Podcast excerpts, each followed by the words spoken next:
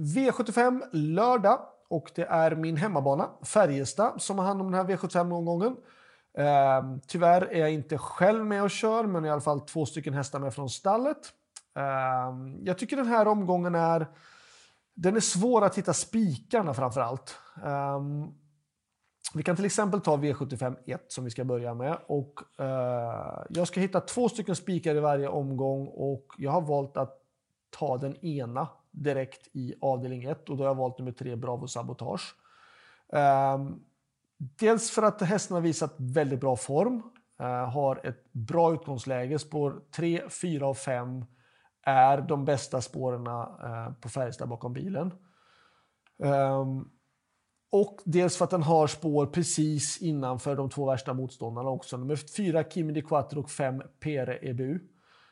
Om man ska vara på den säkra sidan så ska man ju ta med alla de här tre, alltså 3, 4 5, men jag har valt att spika 3. Eh, från det egna stallet har vi med en 8 Ivan Boko som ser fin ut, känns fin, men han har ett så tråkigt utgångsläge att jag tror att det kommer vara svårt därifrån.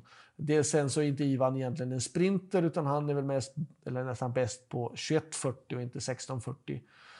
Eh, så det blir svårt från spår 8. Varningen för mig är en häst som jag trodde på senast men som inte fick till det då utan galopperade. Det var nummer 11 Anchorman. Um, nu är han inte mycket sträckad och visst, spår 11 på 1600 meter bil är ingen riktig höjdare, men med tanke på att bakom de här mest, tre mest betrodda så tycker jag loppet är väldigt öppet och då kan han vara värt att vara en varning i alla fall. V75 2 är storloppet och jag tror inte av någon av de hästarna på start. Däremot på 20 meters tillägg då nummer 6 Queen Ratseputs, 9 Global Virgin, 10 Kirsi Boko, 12 Kvarcha, 13 Chablis Rib och 15 Devs Daffodil eh, är de som är mest intressanta. Så att 6, 9, 10, 12, 13 och 15. Eh, varningen den tycker jag ska vara då emellan 8 So Superb eller 11 Isan. Eh, so Superb verkar ha viss kapacitet och Isan har ju likadant, har ett läge som, som ett smygläge. Men utgångshästen är 6, 9, 10, 12, 13 och 15. V75 3, det är mycket möjligt att det är spik på nummer 1, Blé du Guerre. Um, men det finns en risk att han kan bli fast. Det kan vara så att 6 Disco Volante blåser till spets och två Lucifer Lane lägger sig utvändigt och försöker att låsa. Um, det finns en chans att det kan bli så. Um, men jag tror att det är långsökt. Jag tror inte att det kommer bli så. Uh, ska man vara på den säkra sidan så ska man ju ta då 1, 2, 6. Ska jag ranka loppet så säger jag ändå 1, 6, 2.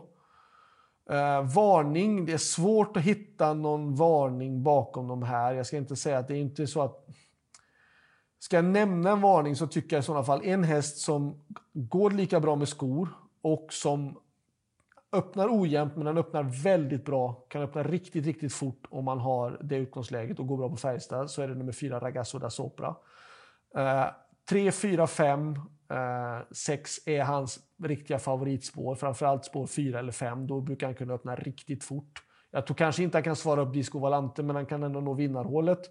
Och eh, absolut, jag kan tycka att det är en varning i sådana fall, för hästen är lika bra med skor som utan skor. Så ska han vinna någon gång så är det nu på V75 i ett sånt här lopp, för det är inte ett jättetufft lopp på det sättet, om nu Bledugers blir fast också.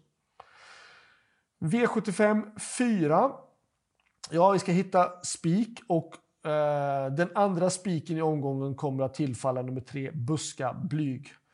Eh, det är ett osäkert kort som blandar och ger med galopper eller segrar. Eh, men Robert Berg kör själv och visst, Eh, stallkamraten 11 Lommestorm är ju en bra häst, men den ska ta 20 meter tillägg på en felfri buskablyg.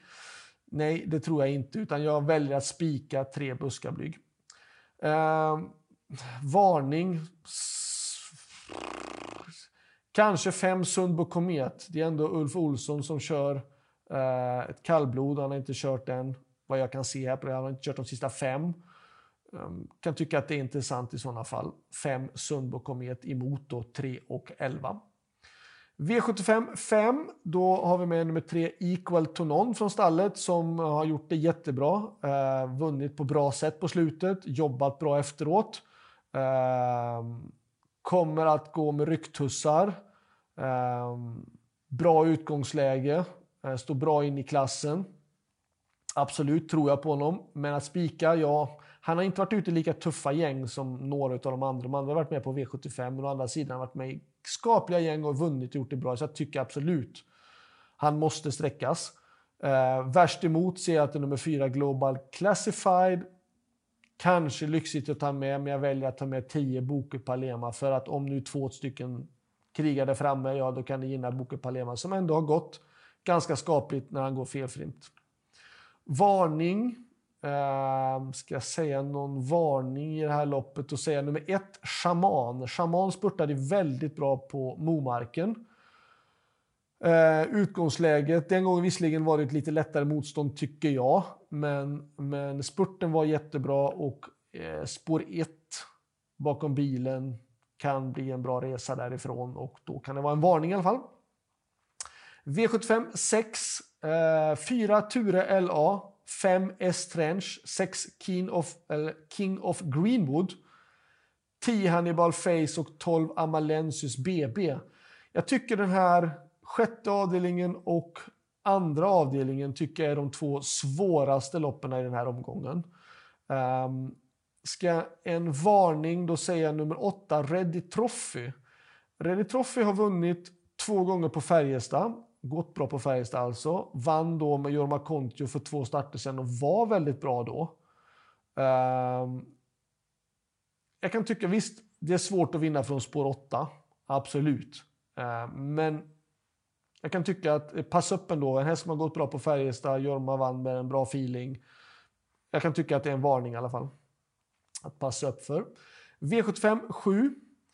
Eh, Bästa hästen utan tvekan är då nummer 12, Maestro Crow. Uh, rätt distans, visserligen fel spår och visst, han har varit bäst när han har gått utan skor. Uh, men han är så pass bra häst så att han skulle kunna vara en tänkbar spik men han har ett så dåligt utgångsläge.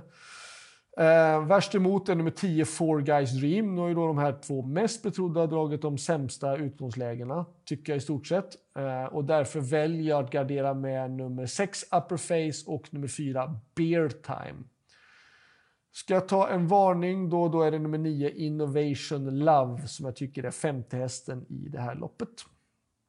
Slutsummering, ja. Eh, Bästa spiken är i den fjärde avdelningen nummer tre, Buskablyg tycker jag. Det är vinna eller försvinna, känns det som.